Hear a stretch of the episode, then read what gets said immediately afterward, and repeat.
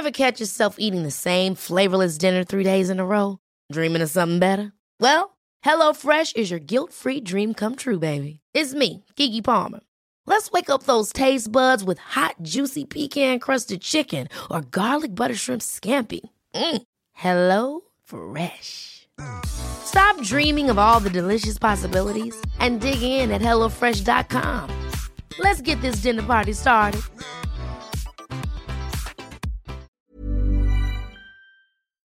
Sen är du där redo? Liksom. Gud vad liten text det är. Jag är ju 40 nu.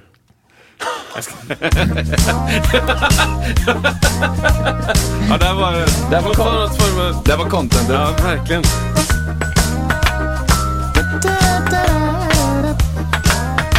Det är roligt att du har lagt den där. Okej! Det, vad, sa- vad sa du? Roligt att... Ja, men det är roligt att du, Ja. du tycker om svarta tangenter. Vi älskar dem. Hur, eller, välkommen! Välkommen hit allihopa till Musiksnacket! Underbart. Avsnitt 97. Där har vi det.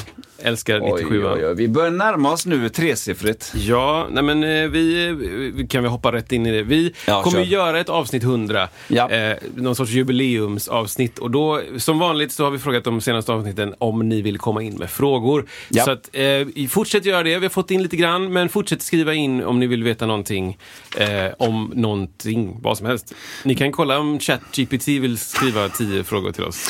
Eh, Alltså gör, gör gärna det. Det kan ju vara allt från... Eh, eh, vi har fått in några frågor. Jag ska inte säga exakt vilka frågor det är, men att de handlar om lite grann om musikbransch eller det kan handla om på plats när man giggar. Ja, det här är bra. Eller, eh, eller saker runt omkring det. Det Mm. kan också vara det här med inköp och utrustning och, och, och allt däremellan faktiskt. Ja, men det är bra att få, jag flyttar en grej här. Det är bra att få lite tips på vad man kan fråga om. Ja. Eh, men jag, jag tänker så här att det finns ju en stor del människor som sitter eh, med sina grejer hemma och kanske inte eh, vet hur de ska använda dem fullt ut. Då kanske man kan fråga, ja men nu undrar vad en gäst här, vad som händer. Ja men det, Det vet du vad, jag tror att det har, det har här? ut ur... Men? Se, där var den, där var den. Ja, bra. Hörs det nu? Jag Ja, tror är jag. bra. Vi lägger den där. Ja, vi, har, vi ska ju avslöja att vi Ja, har en det gäst. ja, det men, vi. men det kommer sen. Alldeles strax. Vi låtsas som att det inte fanns en gäst just nu. jo, men fortsätt skicka frågor helt enkelt. Ja, det, gör det är det. det vi pratar om. Ehm, och det kan vara vad som helst. Och så, kan vi svara så kan vi svara. Annars så frågar vi som vanligt ChatGPT. Exakt, liksom. vi, kom, vi har ju näm nämnt, eh, lyssna här på avsnittet eh, på nummer 95. Fem, ja. Där pratar vi väldigt mycket om AI. Eh, och eh, jag får nog erkänna en liten grej också. För att jag, jag, det här är ett fenomen som du, jag inte vet om det finns ett namn på. Ja. Men eh, det kommer du säkert lösa nu. Jag kände av en liten del av det, tror jag, häromdagen. Att, att jag har testat, eh, som ni vet, lite grann på detta då. Alltså, eh, prova med AI, vad AI kan göra för mig och liksom, lite på skoj, lite på allvar. Ja. Och helt plötsligt så märkte jag någon gång när det inte fungerade. Eh, och då, då kände jag en, en stor saknad och en besvikelse. över att jag på något, några sekunder behövde liksom tänka själv. Ah, okej. Är du med? Men Sen så löste sig det rent tekniskt och allting in sen då. Men det, det där i, i, eh, i, initiala känslan av att nej, det. jag, nu kan jag inte göra detta. nu kan jag inte ja, få hjälp längre. Men det här, är- det, Hjälplöshet. här, det här heter ju någonting. Vad det kallas heter det? Någonting bias. Ehm, det är en, uh, vad heter det heter? Men det handlar ju om till, till exempel till spårvagnstider. Att så här, det, kan, det, du, det, det står 16.26 och varenda dag du tar den så går den 16.26. Ja. En dag går den 16.27 och då lackar du. liksom. ja, ja, ja. Att så här, 99 fall av 100 så, så går den när den ska, det, när den står att den ska gå. Ja. Den enda gången den inte gör det, då spricker, då, då exploderar det. vad, vad är det som händer? Och det heter någonting. Jag, men jag vet inte vad Nej. det är. Men, eh, ah, intressant alltså. Ja, men det, just den här startkänslan, ja, då tänker jag om man växlar upp till 10 år, tänk hur det blir om 10 år för folk som lever 90% av sitt arbetsflöde med AI och så bara fungerar det inte och så bara märker man, det är bara en människa kvar just nu. Det finns ingenting, jag, jag är helt värdelös. Ja, men du ska ju se Wall-E. Är det så? Du har sett Wall-E kanske? Eh, Den här nej. tecknade Pixar-filmen. Nej, men jag vet vilken det är. Alltså, det är otroligt roligt. Alltså, det är lite kort synopsis då utan att avslöja. Men eh, i, i, fra, i framtiden Ja. så är människan eh, en, eh, vad ska man säga, ganska överviktig, eh, eh, slapp och lat person som sitter, ligger i en divan som flyter runt. Ja. Och, och du har liksom egentligen inga skills. Utan det Nej. enda gör är att du, du, du ligger och stirrar på en stor skärm Ja. dagarna ut och dagarna in. Och ingen umgås egentligen med varandra. Nej. Det är liksom... Framtiden. Det är framtiden. Du, du tittar på en skärm och gör val utifrån vad skärmen visar. Ja. Det är ingen, skärmen ber dig inte att tillverka någonting eller att komma på något. Nej. Eller att, att uh, utforska eller göra fel. Utan så, bara, A eller B. Jag vill, jag vill ha en jordgubbssmoothie, tack. Alltså, helst den ner i magen, typ. Wow. Ja, den, den är lite dystopisk, fast eh, fa- det är en fantastisk film. Jag kände helt enkelt en procent av Wall-E-syndromet. Ja, ja, men lite så. Att, att så här, nu hade jag ju släppt Ja. eh, den här delen av Ja. mitt frågande Ja, liv ja, till AIn. exakt. Varför löser du inte det? Exakt. Besvikelse, tomhet, andrum. Så här, nej, fel. Ja, Andrum. ja nej, men underbart. Vi, vi, vi återkommer om AI, Kristoffer. Ja, det gör vi. Det gör vi alltid. Har vi något som vi ska berätta Ja, för men dem? vi, vi, vi, som sagt, jättebra där med 100 avsnittet. Det är en viktig grej. Och eh, överlag så kan man eh, eh, supporta oss på alla möjliga sätt. Eh, man kan också dela. Eh, Ja. Det finns vissa som delar avsnitt, vilket är väldigt, väldigt populärt. Eh, man kan också liksom hänga in på de sociala medierna om man vill vara lite uppdaterad. Man kan Yes. följa oss på, på eh, Instagram, man kan följa oss på, på Facebook och lite sånt där. Och, Och all- lite på ja. YouTube också.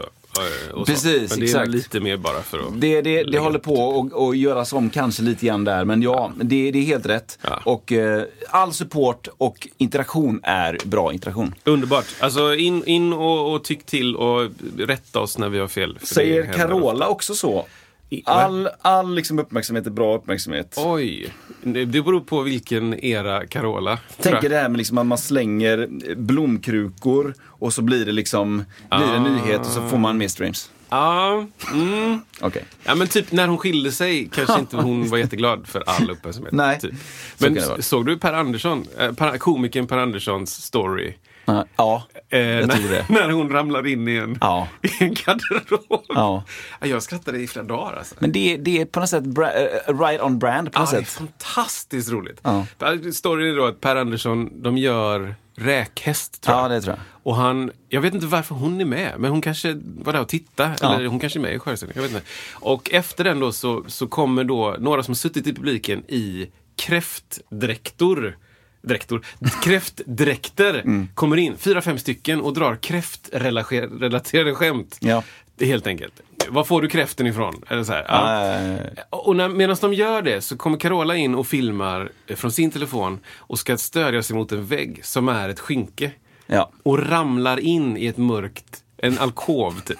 Och det, ja, det, det är väldigt roligt. Ja. Kolla på det. Det ska vi kolla på. Ehm, så det, det är ju bra content. Ja, det är bra content.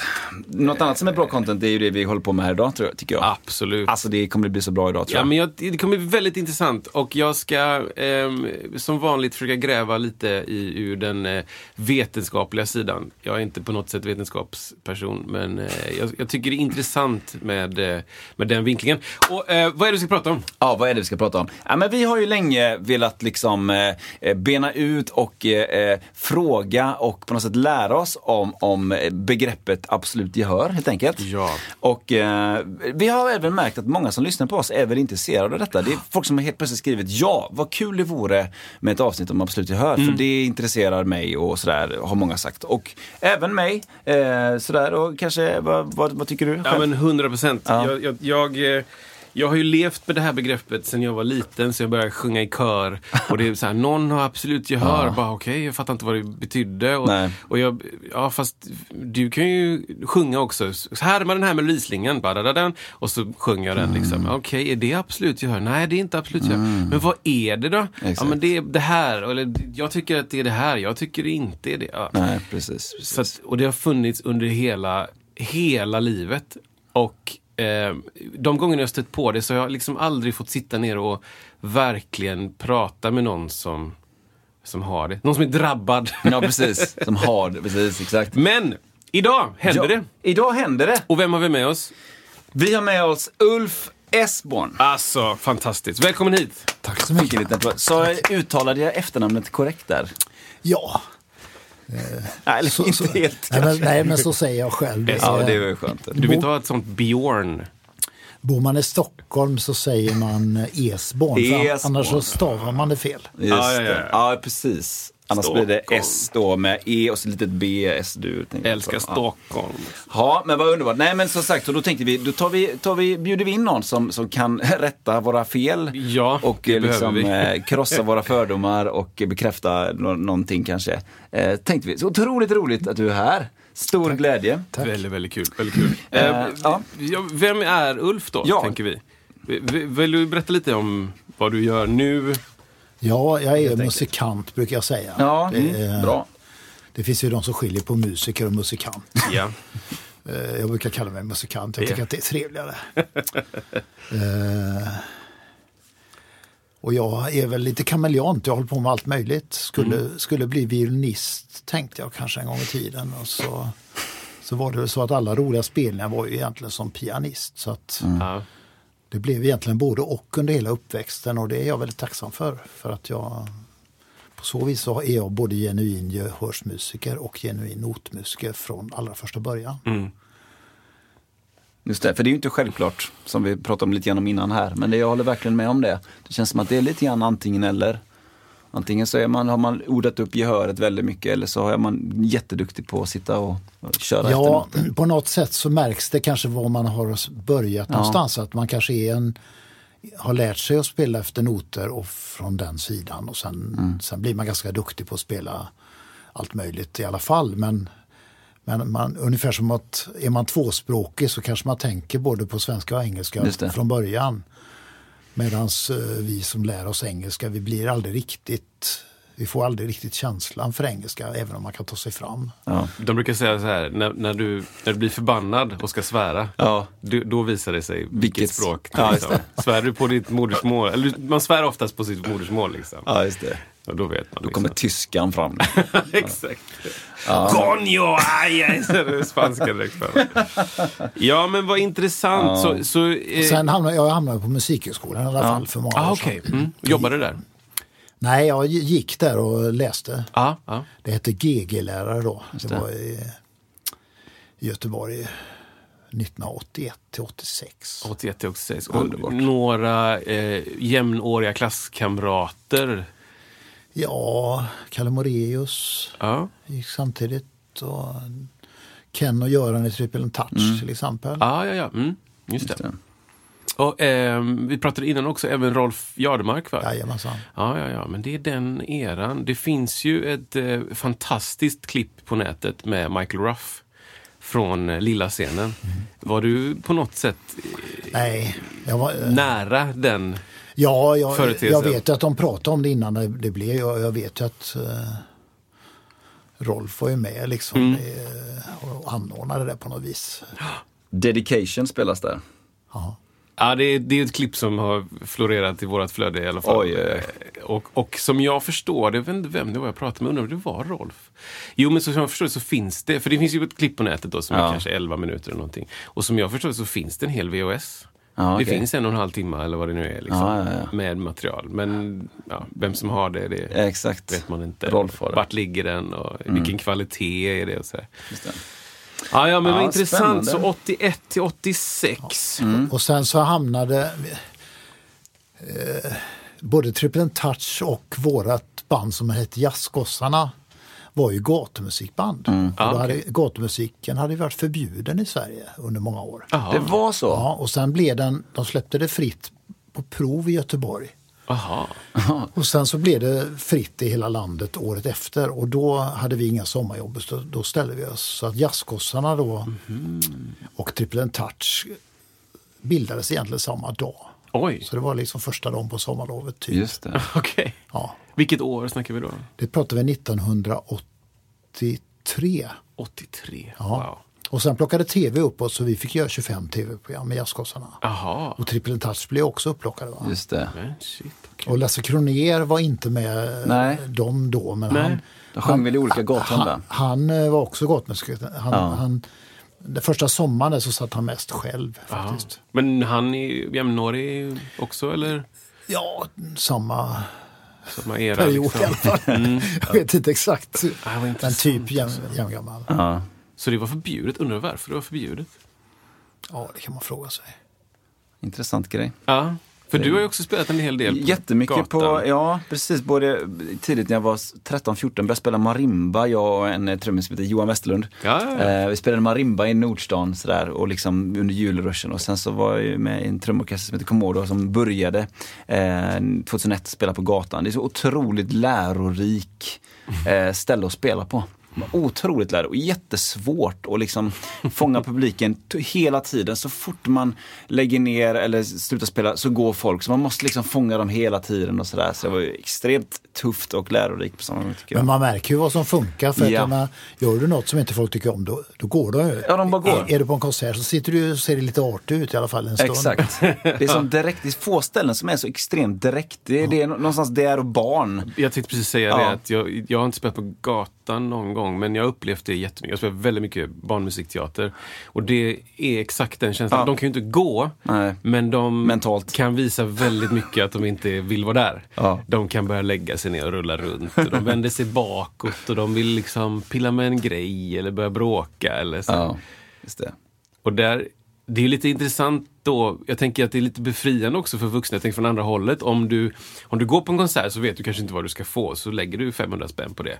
Och då, ja ja, men nu, nu kommer jag sitta här tills det är klart. Ja. För att jag har ändå lagt pengar på det. Ja. Men om du är på gatan och lyssnar på någonting, så är det kanske lite, lite skönt också. Bra, ja, nu tyckte jag inte om det längre, nu gick jag. Ja. Liksom.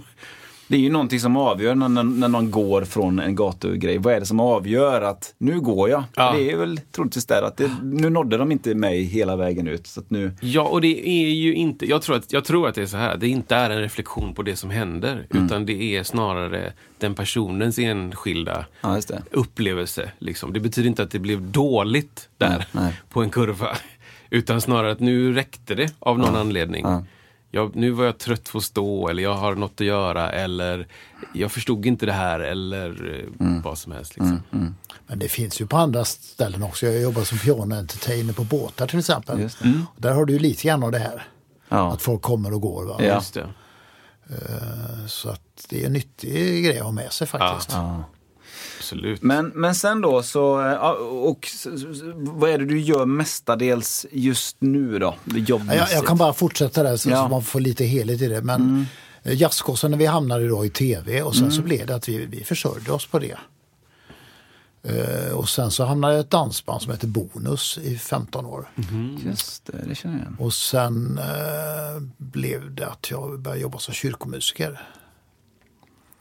Så att jag har varit organist eller kantor. Det är egentligen samma jobb i stort sett. Det är lite olika lön.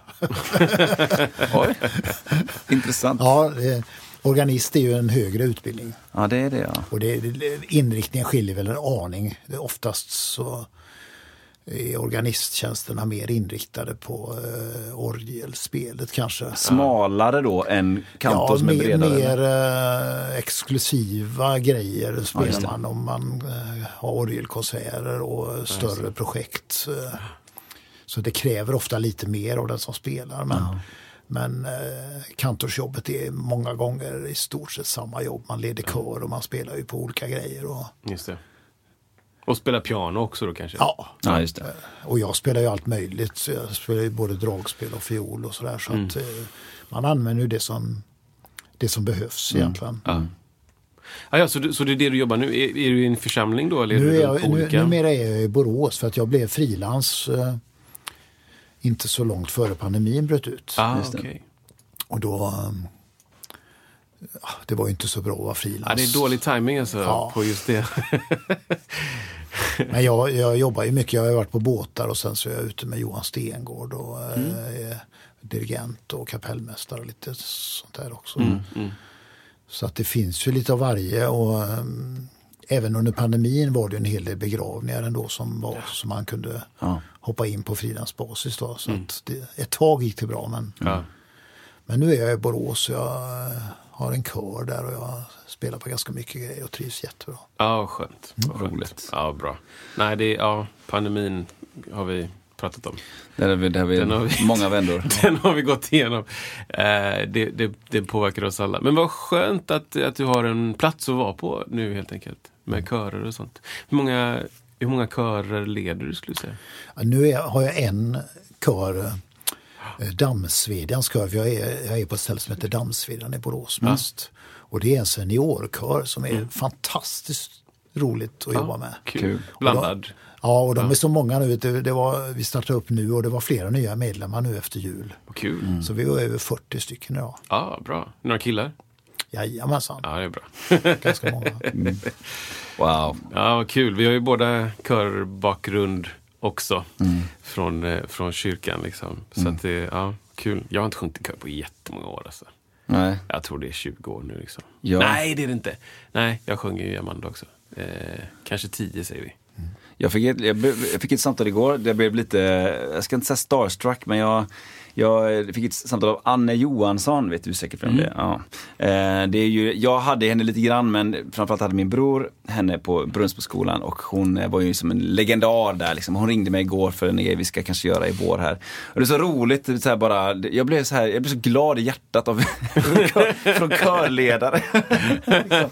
En sån här sprudlande människa som bara aldrig blir gammal utan bara 100 procent. Och det kör ju Göteborgs ungdomskör, heter de väl va? Tror jag. De leder de fortfarande. Och, Jag, trä- jag träffade henne faktiskt på sån här körledarkonvent. Ja, såklart. För någon månad sedan och det, hon såg piggare ut än någonsin. Ja men exakt så va. Ja. Du kanske känner till min mamma Karina Widmark. Hon är ju liksom... Det vet jag vem det. Ja, det vet jag vem det. Också, eh, min mamma le- leder ju mycket körer eh, sådär och har varit med i allt från just Olins vokalensemble till Koralerna och Karisma och hela gängen där. Ja. Spelar också blockflöjt. Ja, blockflöjt. inte... det, är en, det är en följetong i vår podd om, om just blockflöjt och mitt hat för instrumentet blockflöjt. För att det, nej men jag, tror inte jag hatar instrumentet så mycket, men jag eh, har raljerat ganska många gånger över eh, fenomenet att alla då, när jag var liten, och kanske du också, jag vet inte hur det var för dig, men alla skulle lära sig blockflöjt. Man skulle gå i skolan i sexan, nej förlåt, i ettan och vara sex år gammal och spela blockflöjt. Vilket är idiotiskt, enligt mig. Du ska lära dig rytmer eller sjunga i kör när du är i den åldern. Du ska inte sitta med en blockflöjt och försöka få ton när du knappt liksom kan sitta still. Eller, ja. jag, jag, jag. Har du spelat blockflöjt Ulf? Jo, det har jag gjort. Det, jag, jag, jag vet inte om man behöver värdera på det sättet. Jag, jag tänker egentligen lite större att om man bara håller på med någonting Ja. eh, så utvecklas man. Men det är klart att man får inte tycka att det är för tråkigt. va? Nej. Men, men, men eh, jag behöver inte gå längre till min egen son. Han tyckte faktiskt det var jätteroligt med blockflöjt. Han, han lärde sig alla möjliga låtar under en period. Så att eh, man kan tycka lite olika om det. Men Jo, men jag, jag tror att jag, för, för mig personligen, jag tyckte det var kul eh, och jag, jag var bra på det. Men det var nog, jag tror att det är många människor som inte fortsätter med musik på grund av att de fick spela blockflöjt först. För att de fick en blockflöjt i handen och det gick inte. Nej. Och sen så, jaha, är det det här som är musik? Ja, men då håller jag inte på med det. Nej, Det tror jag är en väldigt stor del. Istället för att säga, här har du en trumma. Det kan alla, Alla göra. älskar den. Alla älskar trumma. Nej, men alla kan trumma på en grej. Alla kan använda sin röst. Eh, Det tror jag är en, en enklare bana in för, till musik. Liksom. För alla vill ju inte sitta och vara dålig på någonting jättelänge tills de blir bra på någonting. Utan man vill bara kanske vara med lite grann. Just det. Så det är min, eh, min bild av eh, blockflöjts, vad heter det, eh, tröskeln. Ja, just det. Blockflöjtströskeln är bra. Så när du väl kommit över det så då är det it's all downhill efter du har lyckats med blockflöjten. Liksom. Ja. Men du, sen så går ju ett rykte på stan att eh, du besitter absolut gehör också, Ulf. Jo, men det, det får jag väl erkänna. Ja, men det är strålande. Tänk vilken tur vi hade att vi plockade in. ja, exakt. Eh, nej men det, är- och jag tänkte vi skulle göra världens bara enklaste korta faktaruta. Ja, Fakt- vad är... Vad är absolut Hur skulle du själv eh, benämna, eh, om, du, om någon skulle fråga sig dig så här, vad är absolut gehör Ulf? Det har jag hört talas om. Vad ska- Hörde du inte det, igen? det är glapp i eh, den delningen där till den sladden skulle jag tippa. Är det det? Eh, kan det Kommer den att gå eller? Ja, det ska vi se. Det ska vi Det är lösa. så här då. Jag kanske... Åh, nu försvann min också. Jag kanske kan lägga den... Ska se om vi hittar något bra läge där. Är det bättre där? Nu hörs det. Nu hörs Ja, vad det. bra. Ja, det glappar i sladden. Det är ingen Ja, det gillar fara vi faktiskt. Ja, men det gillar inte det här borta. Här på, på podden. Här i Vidmarkshörnan. Jo, men vi höll på med faktaruta. Ja. Om, jag tänker så här, man ska också förklara för någon som inte håller på med musik. Ja, precis. Har du någon idé hur du skulle förklara det Ulf? Nej, men Ja, Det finns ju ett antal toner som man använder och de har ju, de har ju namn och det finns tonarter och allt möjligt. Va? Och det som är absolut gehör det är att man kan tala om vilken ton det är som hörs eller man kan sjunga den tonen på beställning. Ungefär som att om du ber mig säga ett A så säger jag ett A. Ja, precis. Ja. Utan referens. Så att bara kan jag sjunga ett C Ja, utan att jag behöver liksom kolla på ett piano vilken ton det är. Va? ja just det. Makes sense. Du kollar direkt nu. Nej, men man, man börjar känna av lite. Det stämmer Ja, säkert. ja, så att det, när jag, ska man sjunga med en kör till exempel på valborgsmässoafton så har jag ofta en körledare kanske med sig en stämgaffel. Ja. För att kolla vilken tonart det går i. Men har man absolut gehör då behöver man ingen stämgaffel utan då bara det. ger man tonen då. Ja, En bra förklarat tycker Ja, jag. ja, absolut. Jättebra förklarat. Det Men det, tror jag att men det är viktigt fattar. där som du säger, just det här med utan referens. För det tror jag många glömmer lite grann att, för jag, man kan ju ibland se lite olika typer av klipp med folk som absolut hör och då första, när de tar en ton, från, det finns ingen referens, då blir det lika fantastiskt för mig som för många andra. Men när de har tagit en ton och bestämt den och gör det igen direkt efteråt, då är det många som upplever att det är lika fräckt. Men då, för mig går ju det över till, till ett, ja, som vi kallar för relativt gehörsfråga. Ja. Och det blir ju inte alls samma sak. Det är en helt annan grej att förhålla. Det är ju intervall, liksom en annan sak. Så här. Men, eh, men, men det första, just utöver referens, det tycker jag är viktigt att på, påverka, eller på, att påpeka ska jag säga, för er som lyssnar också. Mm. Och sen har det vissa praktiska eh, aspekter då som om man ska skriva av en låt till exempel så, så sätter man ju bara på den och så skriver man. Ja. Man behöver inte eh, hålla på med massa referenser hit och dit. Nej, precis. Eh, Sen är det olika bitar. Man, eh, man måste ju kunna noter för att kunna skriva noter till exempel. Så, Ja, va? precis. För det, vi kommer ju in på detta där med, för nu, är ju du, nu har ju du en, en musik liksom bakgrund. Eh, när upptäckte du första gången, eller när, hur var det? Men Liksom, när fick du, förstod du att okej, jag har liksom en annat sätt att se på toner, alltså frekvenser än många andra har? För mig har det nog ändå lite grann växt fram. Jag, jag kände ju liksom väldigt tidigt att, eh, ungefär som du beskrev, att man har man väl fått en tonart så, eh, så har man det med sig en, en lång stund. Va? Men jag kände ju mer och mer när jag höll på då kanske i ja, första klass eller något liknande. Ja, Att, att man, eh, ja, man hörde ju liksom hur det var. Just det. Det var inget konstigt. Nej, och det är det som är intressant. Du säger att det var, här var inga konstigheter och det, så upplever jag flera som jag har träffat som har absolut att det är inga konstigheter. Det är lika tydligt som att du ser färger på väggar och det som vi pratade om lite grann innan. Det är en självklarhet på något sätt. Men det här känner ja. nog både du och jag igen. Att, eh, att, för mig var det så, jag sjöng i kör när jag var liten i Göteborgs Gosskör. Och jag tyckte att, att det, det var liksom, det var inget test, det var ett test för att komma in. Men då var det så här, de spelar före, de spelar tre toner kanske, pam, pam, pam, och så skulle jag sjunga dem. Och det för mig var inget test. Utan det testet blev senare när det var så här bara från ingenstans, sjung ett C. Det tyckte jag att det, men det, kan ju, det går ju inte. Ja, det, liksom. Men att härma någonting efter, direkt efter, det är ju också ett gehör. Ja. Eh, Men det var inget test för mig och. Mm. och, och därför funkar det väldigt bra i kör. För att det är så här, ja ja, här, jag har sjungit den här tonen innan och den tonen kommer igen.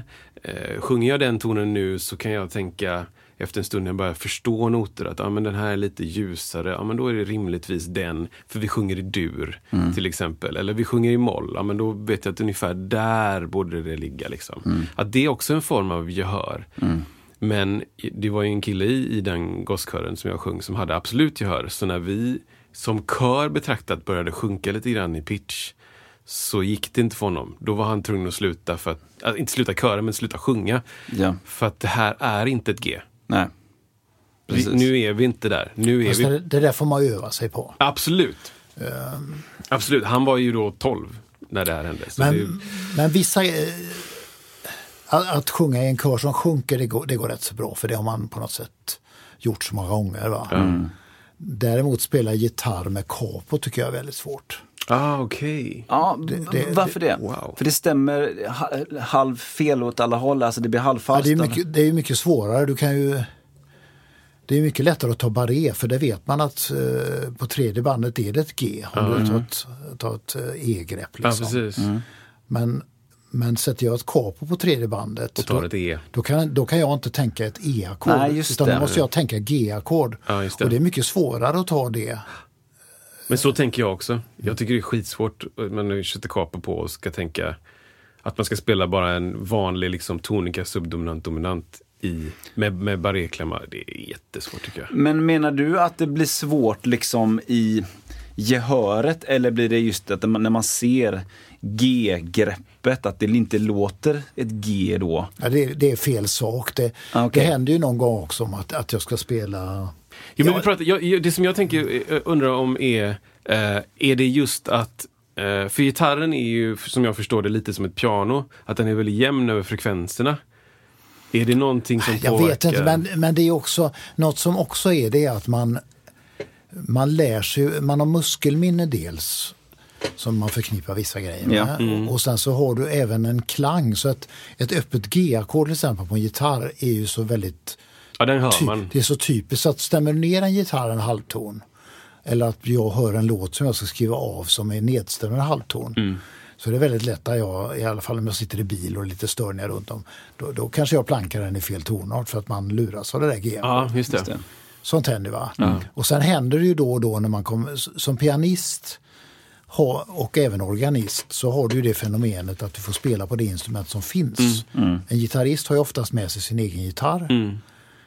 Sin egen stärkare har vissa också med sig. Allt det, ja. Men pianister har ju, de har ju, ja, förutsättningen är att man får spela på det som finns. Mm. Och ibland är det ett piano som är stämt en halvton för lågt. Ja, precis. Eller man- bara har sjunkit väldigt jämnt. Men ibland, ibland när, det är, när det är eh, för långt ifrån sanningen, då får jag bara tänka på hur det låter och så får jag inte lyssna på det som hörs. Mm. Det är ungefär som att du tänker att du spelar på en, en synt ut, utan ljud. Ja, just det. Ja, Ja, precis. Ja. Mm. Men det har man ju tränat upp sig med. Jag skulle i princip kunna spela en låt eh, utan att höra. Ja, och, precis, och det precis. låter som jag har hört när jag Ja. spelar. Ja, ja. För, har du någon gång testat hur exakt, nu pratar vi om piano, alltså referensen, alltså då har man liksom 12 toner på en oktav och sådär. Har du någon gång testat hur exakt som du reagerar? Eller är det helt kopplat till pianots liksom, eh, ja, naturliga intervall, alltså halvtonerna?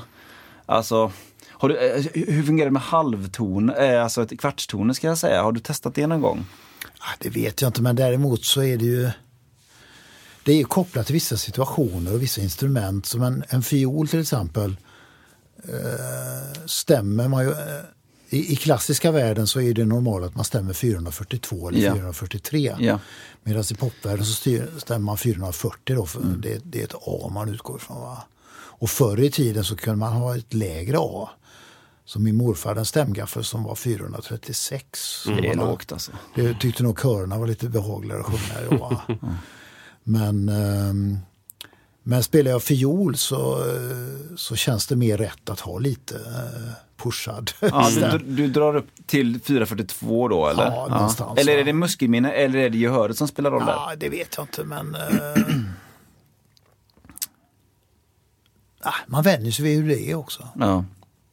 ja jätteintressant tycker jag. Mm.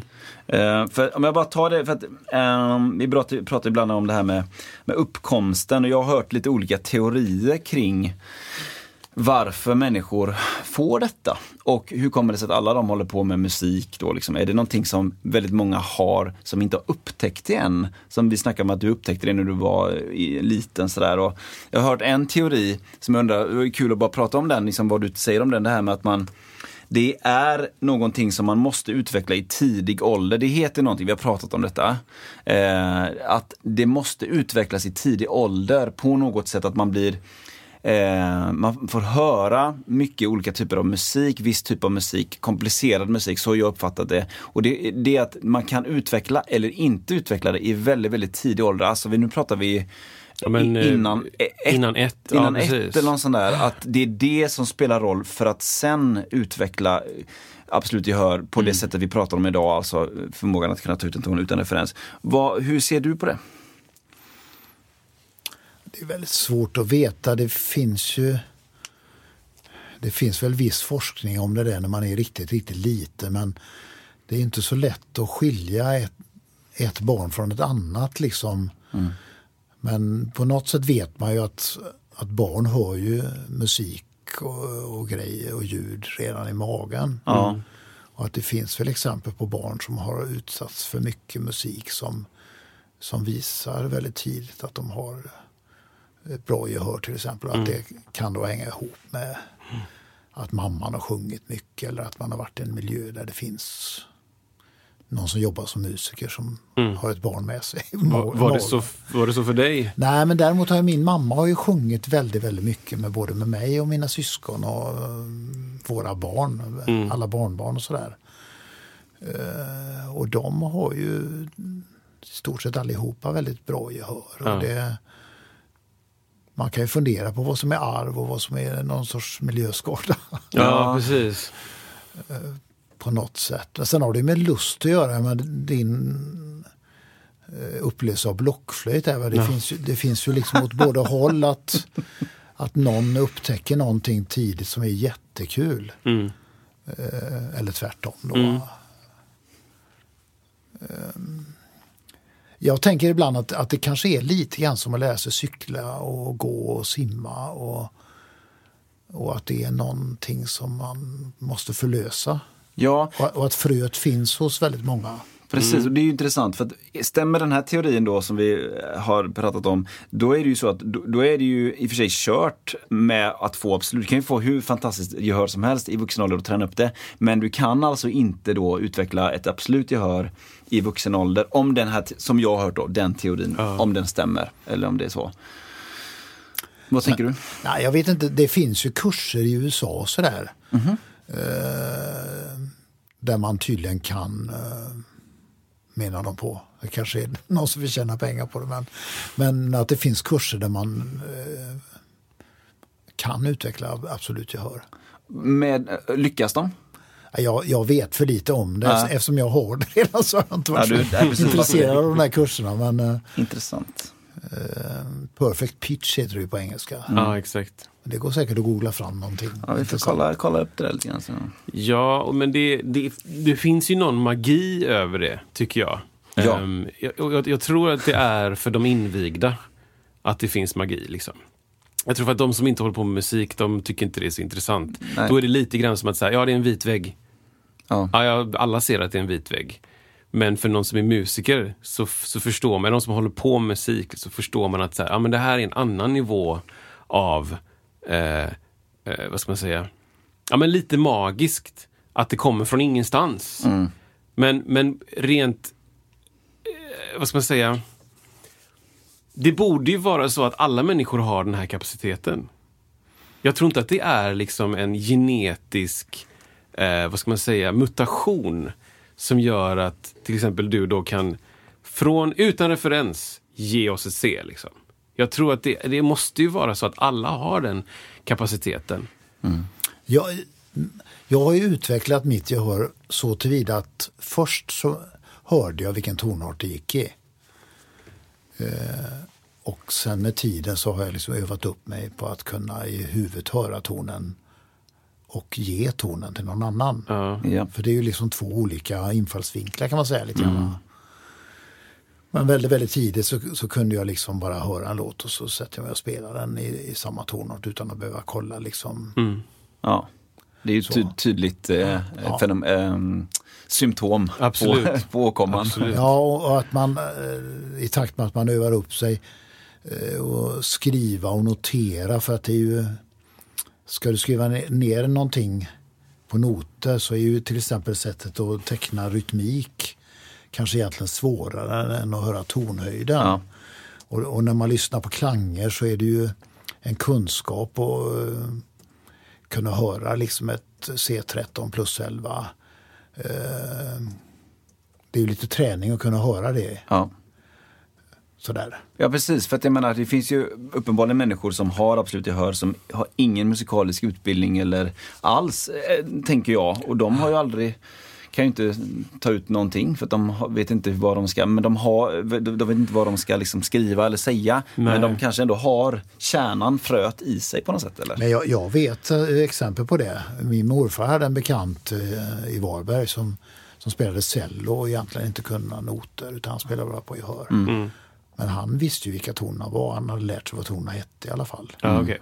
Och, och, och sådär. Så han, han hade en form av absolut gehör fast han egentligen inte kunde, no, kunde noterna nämnvärt. Ja. Ja, för så måste det ju få vara också. Alla kan ju inte skriva noter, tänker jag. Nej, och, man- precis. Och jag tänker också att noten, noter kom ju långt efter att folk höll på med musik. Jag tänker rent så här evolutionsmässigt. Det var ju inte noter, för, eller teori först och sen kom det musik. Utan det här har vuxit fram för att vi behöver ett sätt att ge vidare informationen och bevara och skriva ner. Och så här, ja, men du ska kunna återskapa det jag har gjort om hundra år. Så därför har vi ett gemensamt system som gör att du förstår vad jag, vad jag vill. Det finns liksom tempoangivelser, det finns eh, dynamikangivelser, det finns då tonhöjd. Och allt, allt det där är på något sätt för att, för att vi ska få ett gemensamt språk. Men jag antar att det finns de som aldrig har hållit på med musik som, som kan sjunga alla toner. Om du spelar ett C13 plus 11, kan, kan sjunga alla de tonerna. Eller bara utan att man spelar det, kan sjunga alla de Ja, tonerna om man ger dem någon form av referens. Ja, men, eh, du ska sjunga. Ja, det är svårt att säga då om man inte kan ge dem... Om man inte, om man inte vet vad ett C13 plus 11 är, då kanske de inte kan sjunga det. Nej, jag vet inte. För det, by, det bygger ju på att man förstår teori. Men, Men kanske om du här, här, ja. Om du säger att du så här då. Det är ju ett test som är att du spelar ett C13 plus 11. Och sen så, och så ber du dem sjunga alla de tonerna. Kom ihåg de tonerna. ja. Och sen om en timme så vill jag att du sjunger de tonerna. ja, det kanske skulle skulle kunna typ fixa så. det. Ja, Liksom. just det. Sen ska, de, sen ska de också återge det med sin röst. De kanske he, aldrig har sjungit hela sitt liv. Hur blir det då? Precis.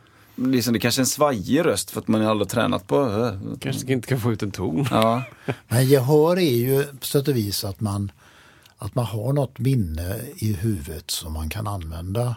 Och det är ju det som är lite fascinerande med folk som har bra gehör. Att du, du kan ta 20 sångare med absolut gehör eller med, med gott gehör bara och så, och så tar man fram noter och är det duktiga notläsare så, så kan man sjunga en sång utan, Ja. utan att någon har hört den förut. Mm, absolut. Direkt va? Och det är ju lite fascinerande på sätt och vis. ja, just på grund av att de är många va? va? Nej, det spelar ingen roll egentligen. Nej. Utan man... Eh, det är ju samma fenomen som om du ser en text. Om, om du eller jag får en dikt att läsa så kan ju vi eh, föreställa oss hur, hur det låter i huvudet och, så, och så läser vi bara ut, utan att vi har hört någon annan läsa dikten. va? Det är ju samma fenomen som finns med musik egentligen. Men jag, det upplevde jag när jag hade liksom sjungit efter noter som mest. Det är 21, 22 någonstans. Då upplevde jag det att jag sa, ja ja, men det spelar nästan ingen roll vad jag får för noter. Utan jag, jag plockade det liksom. Fick jag en startton, då- Ja, ja, det precis. var det viktiga. Ja. Fick jag en det måste man ju startton- få. Det måste man ju ha. Det måste man ju ha i sin kör. Liksom.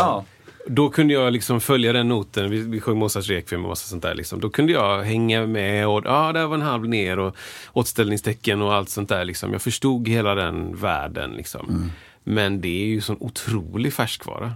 Det finns ju ingen chans att jag då eller nu skulle få ett notpapper framför mig och så bara sjung den tonen.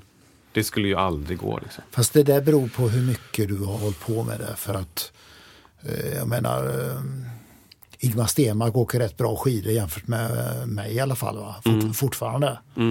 Så att kommer man upp till en viss nivå så har man ganska mycket av det kvar. Just det. Kanske det. Men man, eh, du måste upp ganska mycket högre än, eh, än En. Mozarts Requiem. Ja, kanske. Eller i alla fall hålla på över Ja, tid. länge. Va? Ja, just det. El, el, Hur lång tid ska eller man att du hålla på? håller, Nej, men det kan också vara så att, för jag, jag kan känna med mitt fiolspel som har kommit och gått under livet lite grann, hur mycket jag har hållit på. Att, tack vare att jag har sjungit och spelat piano och jobbat med musik hela tiden så har jag känt att jag har tappat förhållandevis lite ändå av mitt fiolspel. Mm. Varit liksom förvånad över att det ändå är så pass okej som det är. Va? Ja. Och, och då håller man på, det är ungefär som en, en simmare som får för sig att uh, uh, hålla på med löpning under ett år. Och sen gå tillbaka till simning efter det året. så är förmodligen den simmaren bättre Ja, ja, ja. Än, än en annan kollega som inte har hållit på med någon idrott under det året. Ja, absolut. Utan absolut. tvekan. Utan tvekan. Men du hade en så bra, det här med evolution eh, som vi pratade om innan. Kan inte du ta den frågan, det här med liksom Jo, men precis. Jag, jag undrar, för jag tänker att det här... Um, är, är det här ett fenomen som är utvecklat efter, uh, efter en viss punkt i människans utveckling um, som är liksom skilt från eh, överlevnad eller fortplantning eller något sånt där? Finns det, finns det någon evolutionär vinning i att ha absolut gör? Jag hör ett lejon springa mot mig. Det här var ju skämtet jag drog innan podden började. Jag hör ett lejon springa mot mig och skrika i S. Och då vet jag att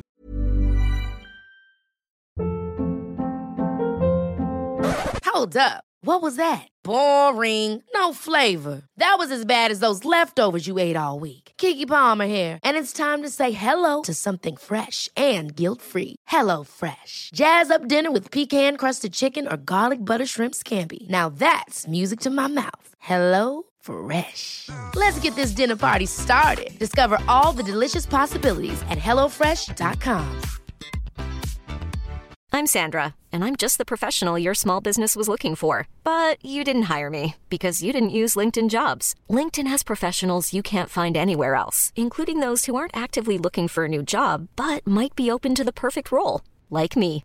In a given month, over 70% of LinkedIn users don't visit other leading job sites. So if you're not looking on LinkedIn, you'll miss out on great candidates like Sandra. Start hiring professionals like a professional. Post your free job on linkedin.com/achieve slash achieve today. det här är det snälla lejonet. För att det här andra lejonet skriker i G. Och det är det farliga lejonet. Så det ska vi akta oss. Alltså, du förstår vad jag menar? Finns det en vinning i att jag kan urskilja farors pitch? Det här jordskredet är ett lågt mumlande C. Det, bra det, fråga det, här, fin, jag. det finns människor som påstår att det kan vara lite grann så. Jag, Va?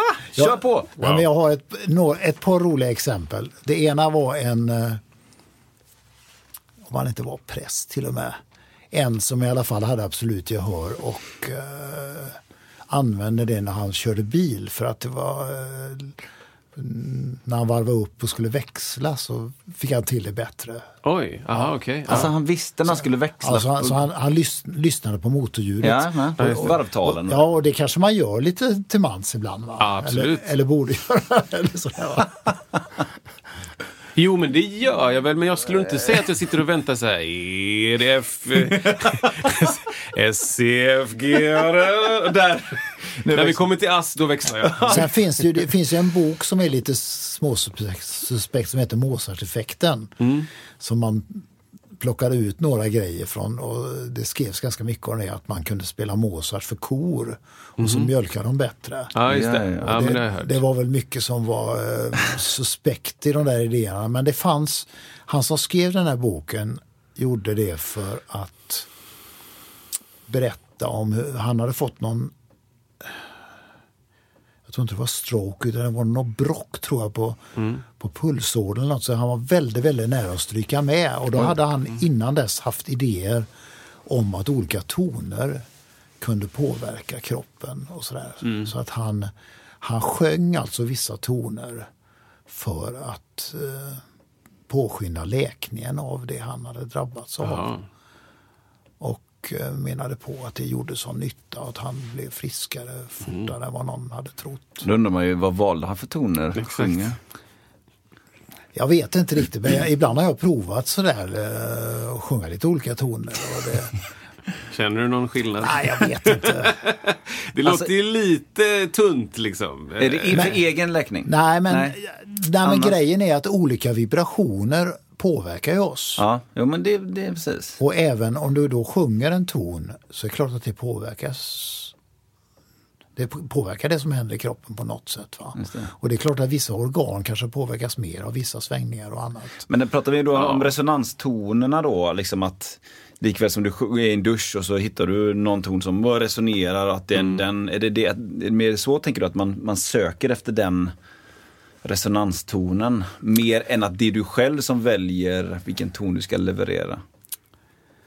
Jag vet inte riktigt. Men det, Jag tänker ju ibland att musiken rent allmänt kan vara Guds röst till oss människor. Eh, För att orsaken till att jag håller på med musik är på något sätt vissa ögonblick. Ibland den där lilla tystnaden efter något väldigt fint man har hört. När, det man har hört sjunker in. Och musiken har ju ett sätt att eh, berätta saker för oss eh, som inte ord kan göra. Och det får människor att höra ihop och komma på saker och känna saker på ett annat sätt. Så jag tänker mig att det finns något större i detta. Och det där är ju en resa man får göra, att kunna uppleva de där sakerna. Och där kanske absolut jag hör är någonting som hänger ihop med det. Att, att man, man har något frö till att utveckla någon sorts eh, känselspröt och någon sorts djupare känsla. Men tänker du att, eh, om man, så här, jag tänker lite grann på höger och vänster hjärnhalva nu. Eh, nu vet jag inte vilken som är vilken, men en är ju mer klassiskt överdrivet konstnärlig väl och en är väl mer matematisk och logisk kanske. Är, är det rätt? Ja. Vad tänker du, eh, vart, vart sitter den här kärnan skulle du säga? Nej, men de har väl till och med bevisat att musiker är ett exempel på sådana som har fler kopplingar mellan de här hjärnhalvorna. Och att man eh, kan må bättre av det till exempel. Ja. Om du skulle placera in liksom absolut gehörgrejen, vart skulle du placera in det då? Ja, precis. Är det analytiskt eller Ja, är det men det, konstnärligt? jag tänker att det kanske kan vara en del i den där kopplingen faktiskt. Ja. Att man, eh, man, man, man förstår någonting kanske lite djupare. Jag, jag, jag vill åter, Ja, återgå bara till om, om, det, om, om vi tre kan tillsammans komma på ett scenario som är bättre än min, min, mitt lejon som skriker i S. där man faktiskt överlever Ja, på grund av att man har absolut gehör. På, jag är en en stenåldersperson, nej äldre än så säger vi, super, super länge sedan. Eh, och på grund av att jag vet vilken ton någonting är så överlever jag och mina, min stam då liksom. Kan vi, kan vi tre komma på ett scenario där det faktiskt där, det, där det finns en vinning. Liksom. Jag kan förstå att så här, ehm, eh, eh, människan klarar sig skitbra på, grund av att vi har tummar. Liksom. Vi klarar oss skitbra på grund av att vi kan eh, liksom, eh, Vi kan, gå, vi kan ju gå långt, alltså vi svettas ju. Ja. Vi är inte så bra på 100 meter men vi är grym på långa avstånd. Och Långa avstånd. Jag upp, gå upp en jaguar för att döda den. Ja, och vi kan också tänka i tid. Ja. Att vi kan liksom bevara mat för att äta sen, Ja. till exempel. Vi måste inte äta nu för att så, allting är nu.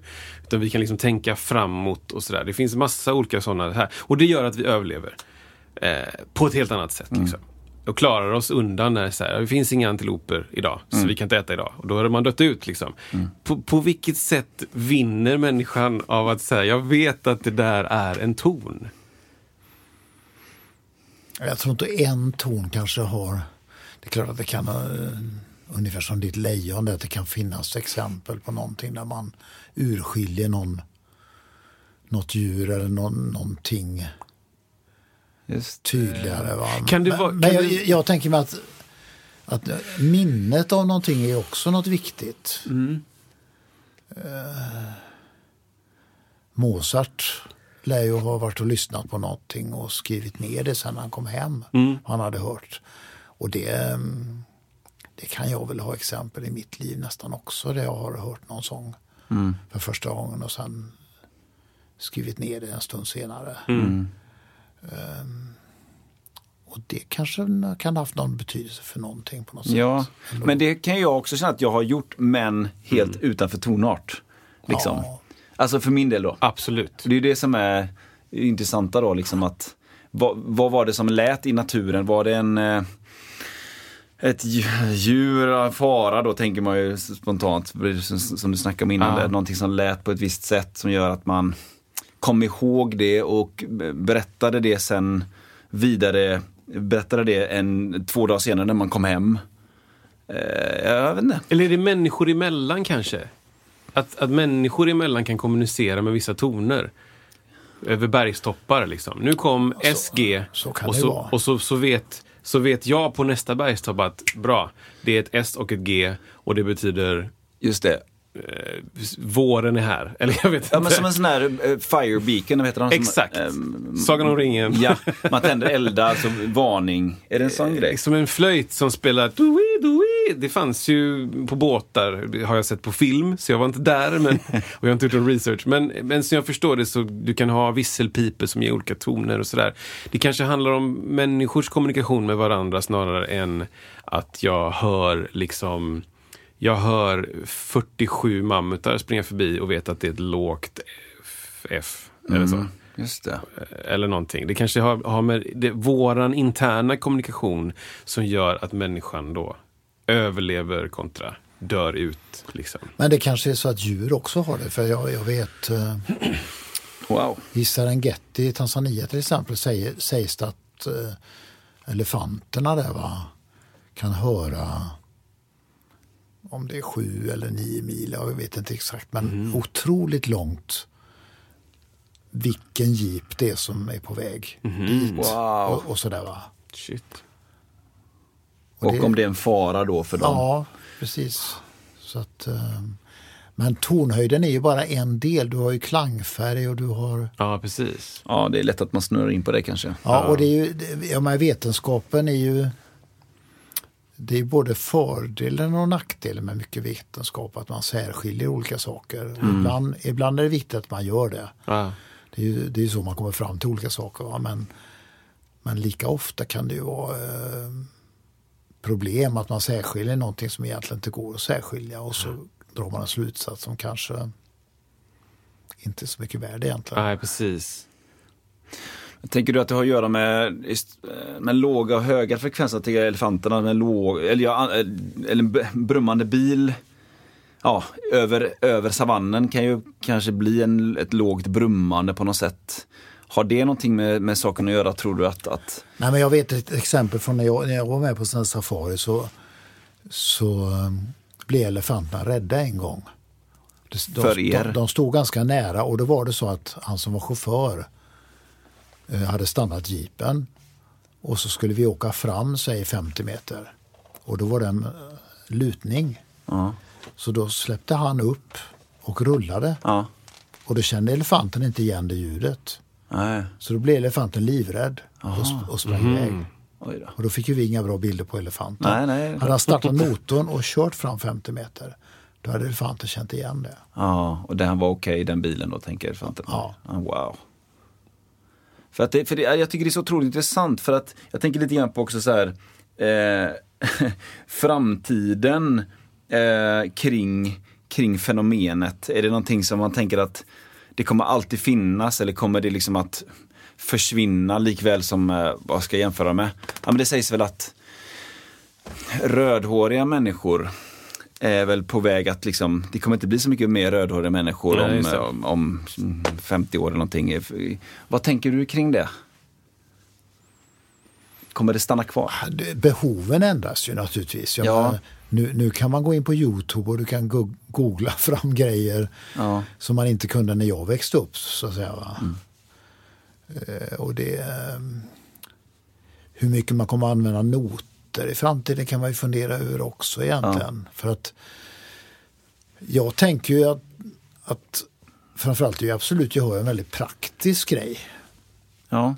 Om man ska ha en spelning med tio låtar så, så skriver man ner de tio låtarna. ja. Enkelt. Ja, och de har gjort det på det kanske tar en kvart per låt eller någonting. Och, så, och så är det klart.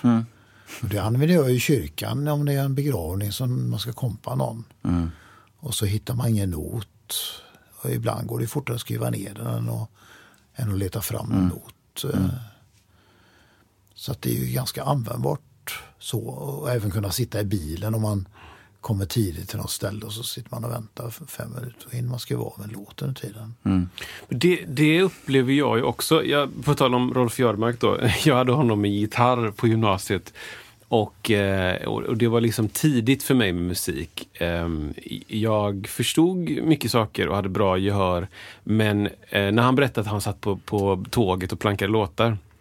Då, jag kunde liksom inte fatta hur det gick till. Jag förstod inte hur det, det var magi. att ta ut ackorden. Liksom. Och sen sakta men säkert så gick jag bort från gitarr och började spela mer piano. Och då, och då fick jag ett sammanhang, jag kunde se tonarternas inbördes liksom, förhållande och förstod mycket av funktionslära och sånt där. Så att sen helt plötsligt så satt jag en dag några år senare och plankade på tåget. Utan, då, liksom utan någonting. Men då kom vi tillbaka till det som vi pratade om. Då plankar jag utan tonart. Ja. Jag plankar liksom Funktions- funktionsanalys. 1, 2, 2, 3, 4, 5. Liksom. Sänkt femma och allt det här. Ja, det, är liksom, det är mellandominant. Alla de funktionerna som fanns plankade jag utan tonart. Och då är det som att så här, ja, men jag har ju lärt mig ett sätt att överleva det här utan absolut gehör. Eh, medans det finns tillfällen där det hade varit jätteskönt att bara så här, mitt i en låt, liksom, jag vet att jag ska sjunga tersen. Det går rätt bra liksom. Men om jag ska helt plötsligt byta och sjunga liksom någon konstig ton samtidigt som jag spelar, då är det jätteskönt att bara säga, ja, ja, jag har ett C inom mig alltid. Och då hittar jag det liksom. Men det är också det här parallella, att hålla alla de här sakerna i, i huvudet samtidigt. Att, att musicera, jag sitter och spelar piano och sjunger och samtidigt tänker framåt att ja, men jag ska sjunga den här tonen sen. D- Den kapaciteten kanske man inte får gratis heller av absolut gehör, utan det är också någonting du måste öva upp. Allt måste du nästan öva upp. Det är en kombination. Ja. Ja. Nej, men jag, jag tänker ofta i förväg. Det är nästan som att man eh, skickar en spejare i förväg. Som, som någon, om jag sitter på en båt och någon önskar en låt som jag inte kommer ihåg om jag kommer ihåg. så börjar jag och så, och så lyssnar jag igenom eh, typ fortsättningen medan jag spelar början. va? exakt, exakt. Så jag ligger liksom steget före och så ibland blir man förvånad över att ja, just det, ja, men, ja, just det. Mm, precis. att gå i sin barndoms skog igen Ja. eh, lite grann. Och det, det där blir ju ett förhållningssätt som man använder. Mm. Att man övar medan man håller på. Man ligger liksom två sekunder före. Va? Mm, absolut. Absolut. Ja. Vad, vad har du, eh, jag vet inte hur liksom, mycket du hänger på på Youtube och liknande med, kring, det dyker ju upp i, eh, alltså det beror ju på vilket flöde man har, men eh, du är säkert bekant med, med Jacob Collier och, och den här, är, är, är du det? Nej. Nej. Skönt. På något Ja. sätt. Ja. Nej, men det är en, Jacob Collier är ju en, en kille som är född 94 som har dykt upp i många, eller man säga, han har ju blivit lite populär eh, musikaktig också, men han har ju ett ett brutalt eh, gehör får man väl säga och såklart absolut gehör och han har ju tagit det till olika nivåer att jag jobbar mycket med kvartstoner och så här och han höjer och sänker mycket i sina arr under tidens gång. Hela arren kan upp eh, en kvartston och sen sänkas en kvartston och han har han verkar ha ett extremt eh, detaljerat absolut gehör. Alltså det, det är inte 12 toner på hans oktav. Nej, men han hör väl liksom sent. Ja, det känns- det känns ju så. Liksom, och är väldigt bra på de sakerna, att sätta namn på Ja. det som man pratar om. Och otroligt duktig på teori just. Ja. Han pratar mycket om, om så här, en ljus och en mörk sida av en tonart. Mm. Och det här är något som jag bara skrapat på ytan, liksom. men det finns otaliga klipp. Men en, en otrolig eh, instrumentalist och sångare som, som, som, som sjunger. Alltså, jät- jättestort eh, omfång också. Den är ganska låg och ganska ljus. Så han kan sjunga arpeggion felfritt för att han, han hör det som att ja, men det är så här. Du, du, du. Så sjunger han alla tonerna perfekt. Och sen så går han in och så här, nja, och så lyssnar han på någon, han gjorde en väldigt intressant grej när han skulle finansiera sin platta. Att han bad folk skicka in små klipp på sig själva, 15 sekunder. Och sen så arrangerade han det, han la till stämmor eller han la instrument på. Eller, och så fick de tillbaka det och så kunde de då lägga upp det på sina flöden, liksom på Facebook eller vad som helst. Och så fick han pengar för det. Och i det här då så finns det ganska mycket av det ehm, live spelat in när han sitter och arrangerar och sen får till sig en, en inspelning och så sitter han och lyssnar. Och så bara, "Mm, det här är lite lågt. Och så pitchar han upp lite grann. Ja, men det ska passa med pianot. Så jag pitchar upp det 4 cent. Klick, klick, klick, klick. Och så är det 4 cent för lågt. Eller 6 eh, hertz liksom för lågt. Så mm, pitchar han upp liksom så här. Så han, han har otrolig som här, fin, Fin. kalibrerat gehör. Liksom. Där han, det, det spelar inte så stor roll för honom. Jag kan ju, som vi har pratat om med, med relata- relativt gehör, att jag kan en favoritlåt, i bästa fall, kan jag liksom komma ihåg att det är en startton. Jag kan komma ihåg i minnet och så börja sjunga på en, kanske fyra, fem favoritlåtar. Och därifrån kanske jag aldrig liksom behövt arbeta så, för jag har ofta ett instrument i händerna. Men därifrån kan jag ta. Eh, men för honom så verkar det vara som att säga, nej, jag, jag, hör, jag hör ner på frekvensnivå vad det är för ton. Ja, det känns, det känns så ibland. Men det går säkert att utveckla kan jag Ja. tänka mig också. Det är, sen är det ju inte alla grejer som är bra att utveckla. För jag menar det, om du sitter och sjunger i en kör så sjunker ju den ofta. va? Eh, och då kan det vara bara bra att inte ha finkalibrerat för mycket. För att, och sådär. Va? Och, det- Och kunna stänga av det kanske, ja, om man nu vet så. inte. Det, Ja, för det, för det, fanns en, det var en fråga som jag skrev. Ehm, eh, finns det några tillfällen där du tycker att absolut gehör är ofördelaktigt eller jobbar emot dig? Ehm, förutom Bra kanske kör eller sådär. ja, men det, det är ju om ett instrument är fel tonart. Ja. Det händer det finns vissa digitalorglar där man kan, eh, som digitalpiano kan man också köra med key transpose. Mm. Och det är ju ganska hopplöst, då får jag stänga av det jag hör och så får jag spela och bara, bara Bara tänka på trädet. Ja. Ja, det är ju intressant, för det tror jag, du och jag skulle inte tycka, det, vi hade upplevt att det känns inte exakt som, om vi hade, skick, om vi hade skiftat en, en, en kvint säger vi ganska mycket, det, är här, ja, men det låter annorlunda men Absolut. det är la gött liksom. Ja. Eller? Man får flytta kanske lite grepp och sådär. Man får ändra. Det blir lite ljust om man kör samma grepp fast en Ja. kvint en kvart upp. Liksom. Men, men jag upp, jag upplever också att det, är att det, inte, det är inget jobbigt. Nej. Det är bara, det är bara lite nytt liksom. Det låter lite konstigt, Ja. men jag kan ta mig igenom det. Liksom. Det, det är inte så kopplat... Om jag, jag tittar ner och spelar på G1 och så låter det C, då är det inget som... Jag kan inte sluta, eller jag behöver inte stänga av då. Liksom. Nej. Men sen vet man ju inte vad andra upplever riktigt heller. Det här med olika tonarter, jag, jag upplever så väldigt starkt de olika tonarternas karaktär. Det är ju Ah, okej. otrolig skillnad på att spela i D-dur och spela i C-dur. Ah, okej. C-dur är ju liksom världens tråkigaste tonart på många sätt. Va? Kan inte du bara försöka förklara varför, vad är det du känner och vad är skillnaden där? Ja, det är svårt att säga och det, det kanske hänger ihop med vårt sätt att temperera pianon och, eh, och stämning. Men du har ju... Destur är ju en ganska, ganska mörk tonart. Mot D-dur är ju mycket öppnare och ljusare. Varför det? Varför tycker du det? Ja, det är kors, korstonarter överhuvudtaget är ju, strävar ju uppåt på något sätt. Och det är ju... Det här med temperering är ju, ett, det är ju någon sorts kompromiss. För att i verkligheten är ju ett diss och ett S inte riktigt samma ton. alltid. Blockflöjt till exempel, förlåt nu jag bröt i den. På blockflöjt så är det ju, där tar man ju lite olika grepp. Ja, men på- det, det är inte bara olika grepp. För om Sven Berger som jag hade som lärare, eh, han, han hade ju en idé om att durtersen ska vara ganska låg. Ja. Och, och det har ju med överton och grejer att göra. Men andra körmänniskor, Gösta Olin som jag hade som kör, körledare när jag gick på musikskolan, han har alltid hävdat att, att tersen ska vara ganska hög. Men då hänger kvinten också med. Också hög. Ja, och på medeltiden så stämde man ju i rena intervall. Att då, då hade du en ren kvint. Just det. Så då, då lyssnar man på övertonen och får den ren. Och då följer tersen med och Ja, blir lite högre. Det är bara det att det där funkar om du spelar C och F och G-dur. Men börjar du spela i As-dur, Ja, ja, då blir det- vissa ackord som är jättekonstiga. Ja.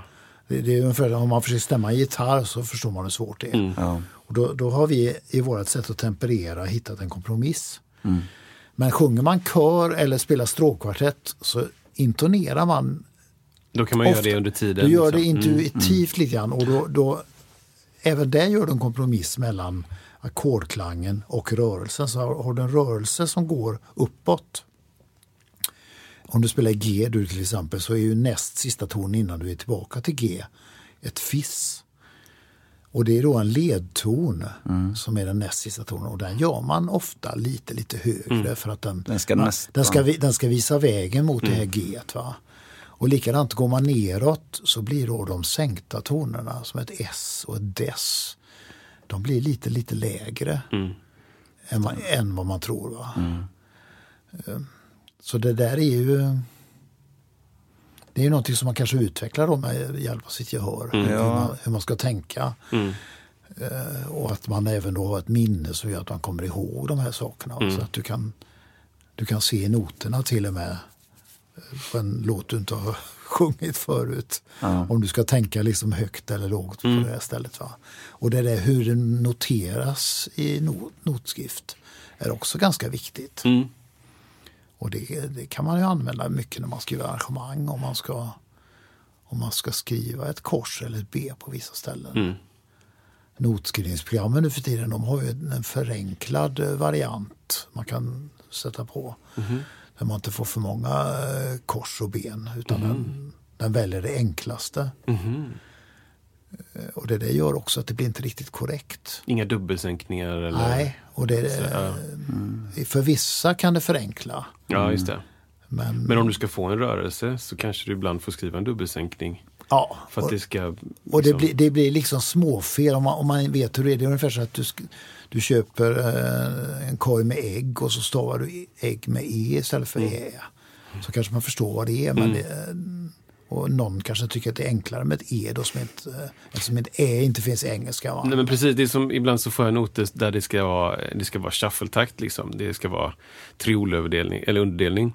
Och då, ehm, då istället för att skriva ut varenda triol så får man bara liksom en rak not där det är åttondelar och sen så står det shuffle-fil.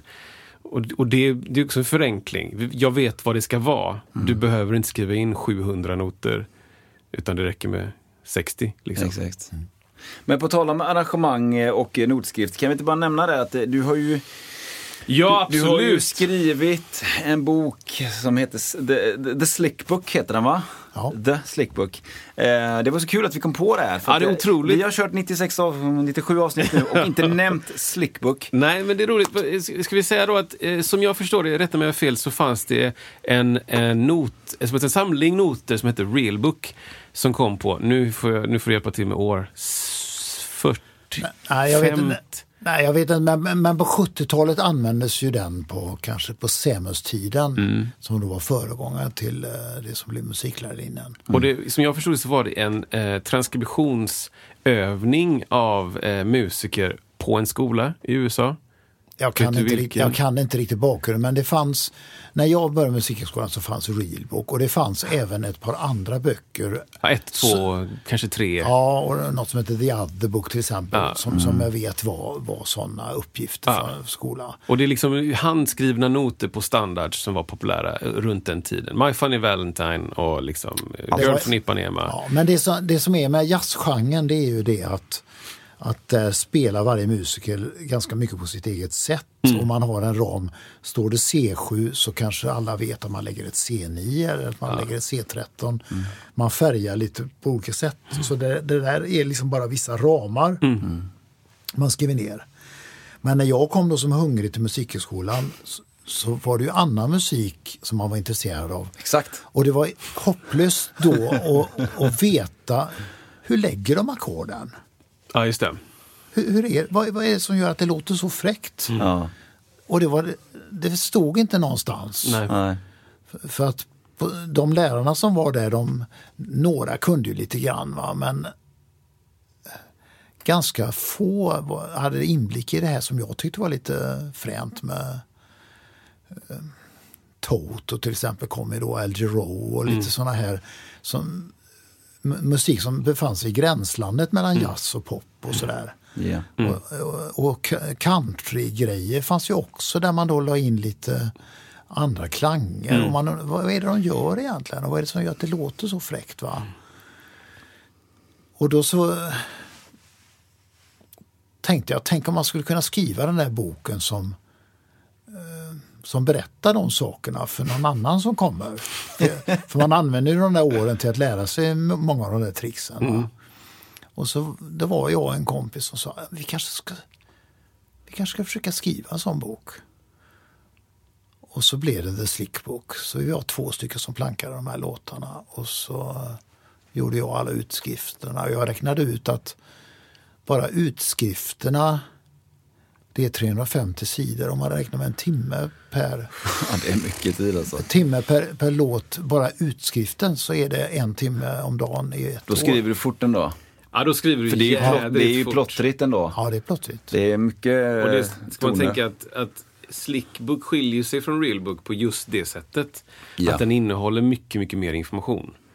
För, för Realbook, som jag minns det, så innehåller det, det är en, tonart, det är en taktart. Ja, det är freely. Ja, vad sa du? Ja, Ja, ja, play freely. Latin feel. Ja, Latin feel. och så, och så får du hitta på själv. Och så står det precis så, C7. Eller, eller A-maj. Eller något sånt där. Men, men i Slickbook är liksom det text.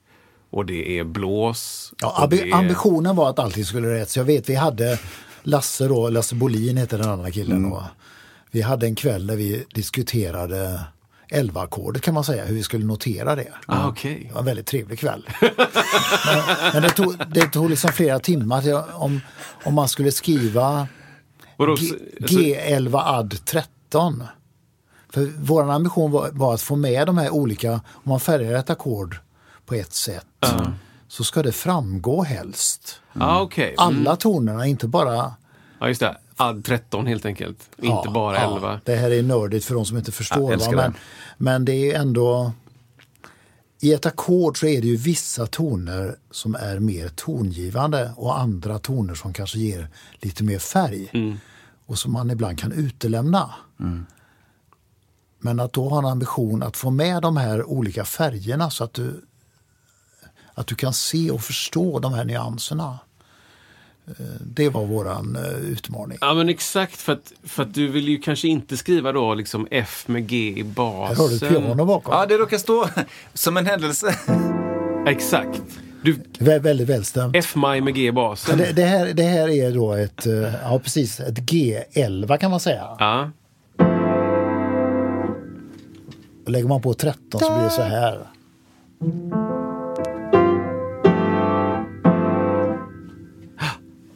Att den där extra tonen och inte va, Ja. den är ganska viktig. Ja. Precis. Och vad är lättast att läsa under fart?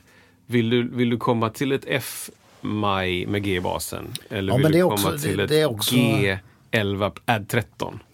Det finns väldigt mycket man kan fundera på hur, man noterar. Mm. Men, men det var också en sak som vi försökte då med den här Slickbook, att, Mm. att hitta ett sätt att notera. Och jag hade jobbat som notskrivare. Mhm. Det är också en ganska skön eh, Titel. Ja, och den, den vet ju dagens eh, ungdomar inte om att det fanns. Nej. För det, är- det är ju från en era innan, innan datorerna Ja. fanns. Va? Så att på den tiden så köpte man gnuggisark. Och så hade du notlinjer. Alltså ett, en tunn papper ja, ovan, ovanpå notskriften. ja, du, du lägger Åh, det på och så gnuggar du en not.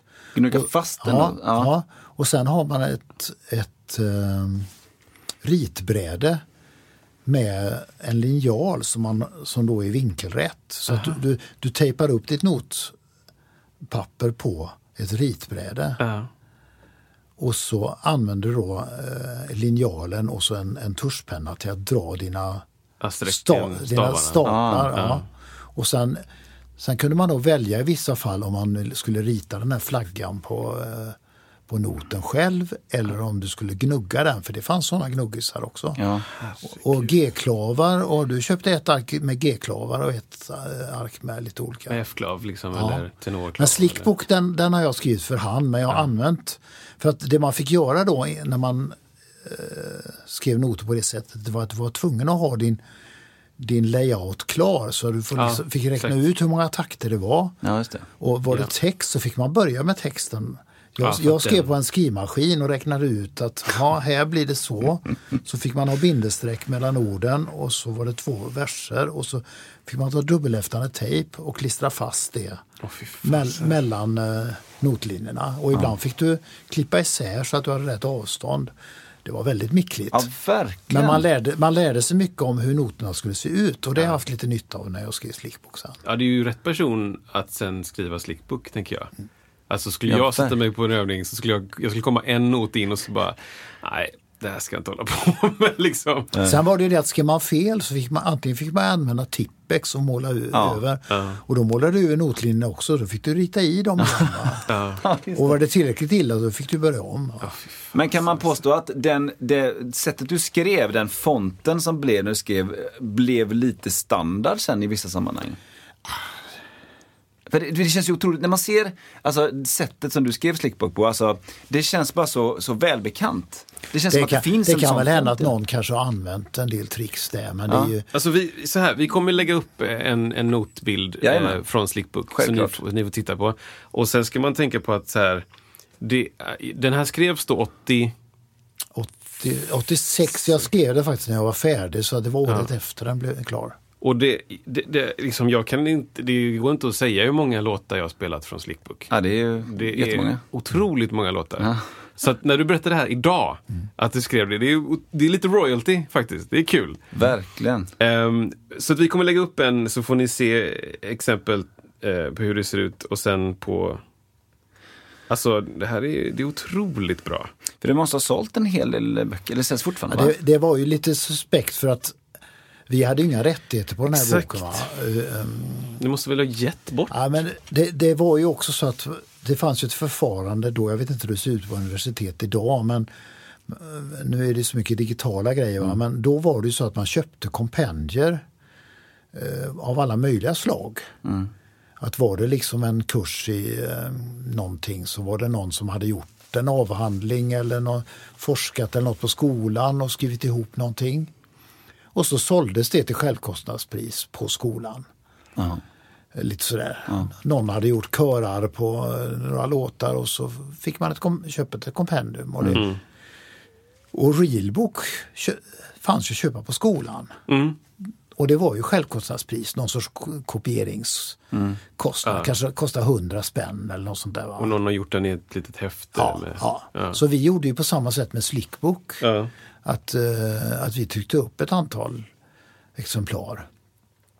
Och då fick vi ligga ute med den kostnaden. Det var ju tusenlappar liksom. Och sen så såldes den och eh, lite över fick man ju men inte, inte så att det var något tal om det egentligen. Nej. Men det går väl att beställa fortfarande va? Ja, den finns här. Free Ja. download. Ja då. Man Stor kan. fet not på framsidan. Men den har varit faktiskt polisanmäld för att eh, Det är en, hal- det är en halvnot med en, eh, med en flagga, det är roligt. Ja, På roligt. Det som var lite Såklart. roligt var att det, det, det kom alltså piratutgåvor kan man säga. Ja, ja, att det var såklart. någon som Just tryckte det. upp det i sin tur. Och en av de piratutgåvorna hade hamnat på musikbörsen på den tiden. Mhm. Och då var det någon från någon förläggarförening eller något som hade varit inne och köpt den över disk. Okej. Och då var det ju inte riktigt kompendieförfarande längre. Va? Så att då var det någon som anmälde det faktiskt. Men, men det var en lärare som, eh, som gav svar på talet så att det blev nedlagt. Ja. Fick du någon gång någon som sa, som har skrivit, eh, har du fått en respons från original, alltså kompositörerna? Det här med att dels har du fått respons och dels, nej det här stämmer inte riktigt, det här, det, det är inte det ackordet där eller? Nej, det har jag inte hört faktiskt. Nej.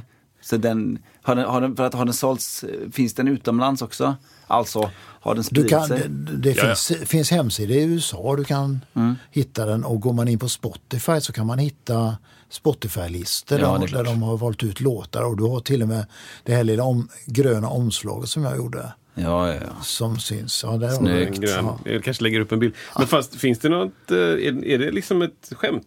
Med liksom en halvnot med flagga eller är det? Ja, typ.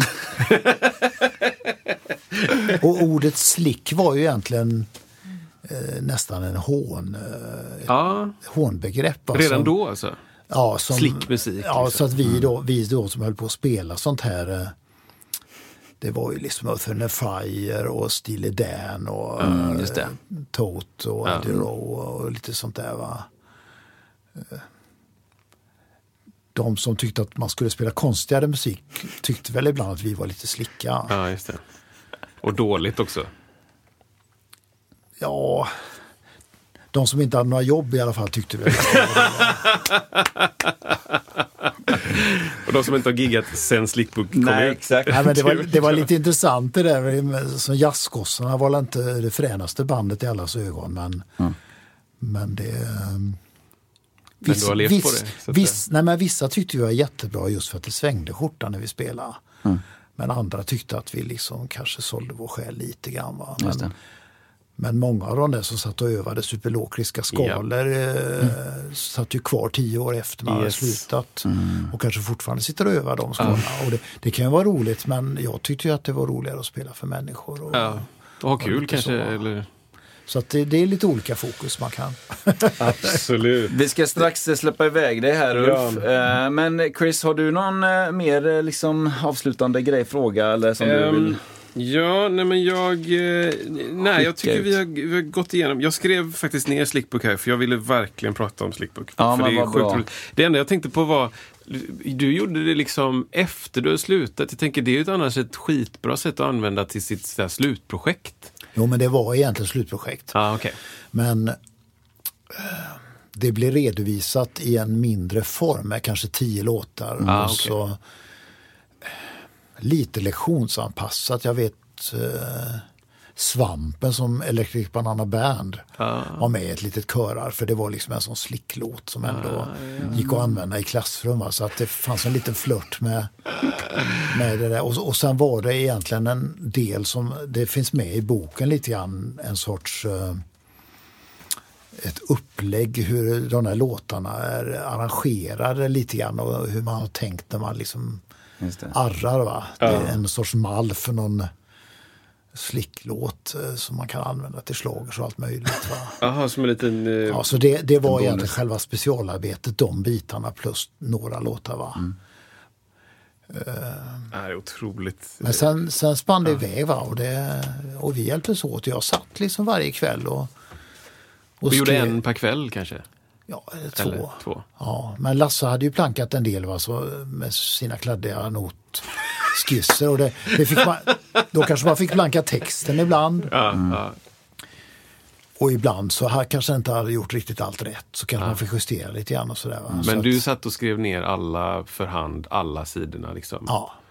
Och i samband med att man skrev ut dem så, så det så fick man ju rensa då för att layouten, man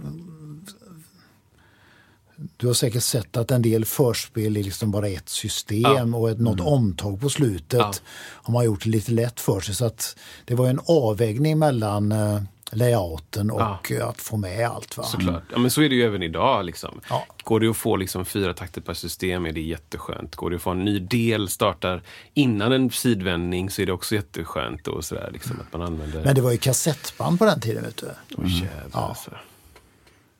Och de här, de här låtarna, jag menar Bill Champlins platta vet som jag letade säkert timtal innan man hittade. Man hade hört någon kompis kompis som hade något. Och, så- Ett kassettband någonstans. Ja, kassettband. Och så, och så visste man inte vem man hade spelat in skivan från. Va? Ja. Och så letar man i reabackar och så ska man försöka hitta. Mycket brus där. Ja, Hur kommer det sig att, eller hur kommer det sig att de låtarna som blev, blev valda så att säga? Det är ganska mycket musik också om man tänker att den skrevs under kanske ett halvår. Ja, men det var ju vissa saker som man tyckte var bra. Bill Champlin är ju ett exempel på en sån artist som egentligen är ganska oslick till, till typen. Men som eh, var med på väldigt många av de här inspelarna och som då gjorde att det kändes på riktigt. Va? Så att, att det var ju inte så där slick eh, utslätat på det sättet som man, man tänker sig när man hånar det. Utan det fanns ju någonting mer att, att man berättade texterna och att de här nyanserna i ackorden hängde ihop med låten. Och det var det som man blev så fascinerad av. Va?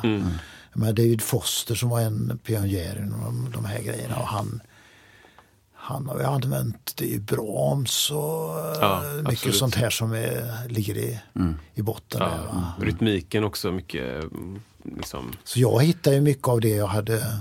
För mig blir det en hybrid av den klassiska världen och, och pop och eh, gospel och eh, körmusik och allt möjligt.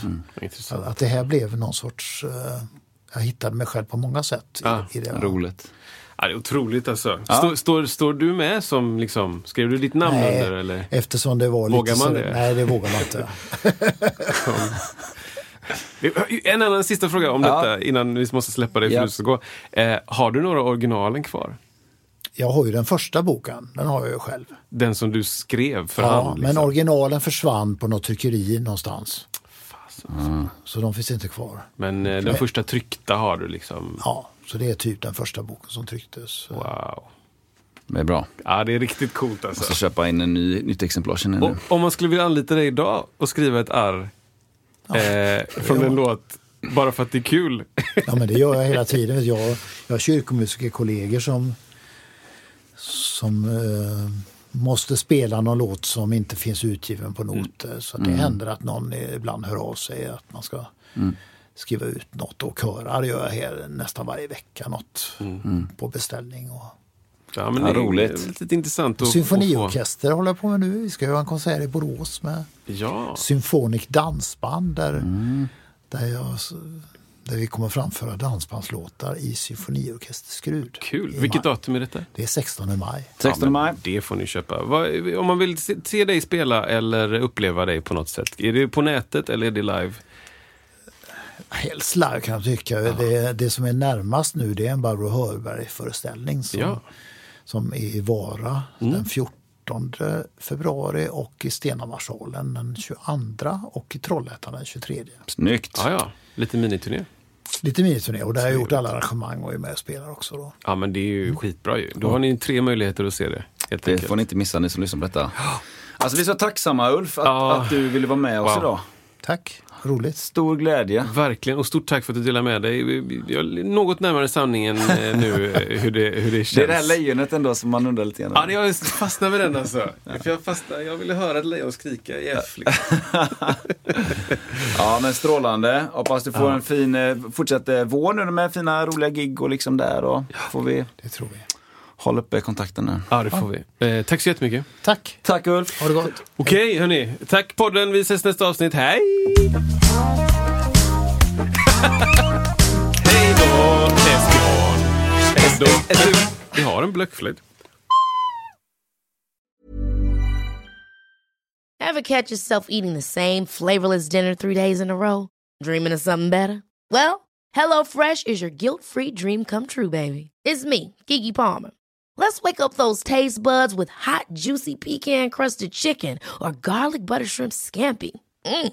Hello Fresh. Stop dreaming of all the delicious possibilities and dig in at HelloFresh.com. Let's get this dinner party started.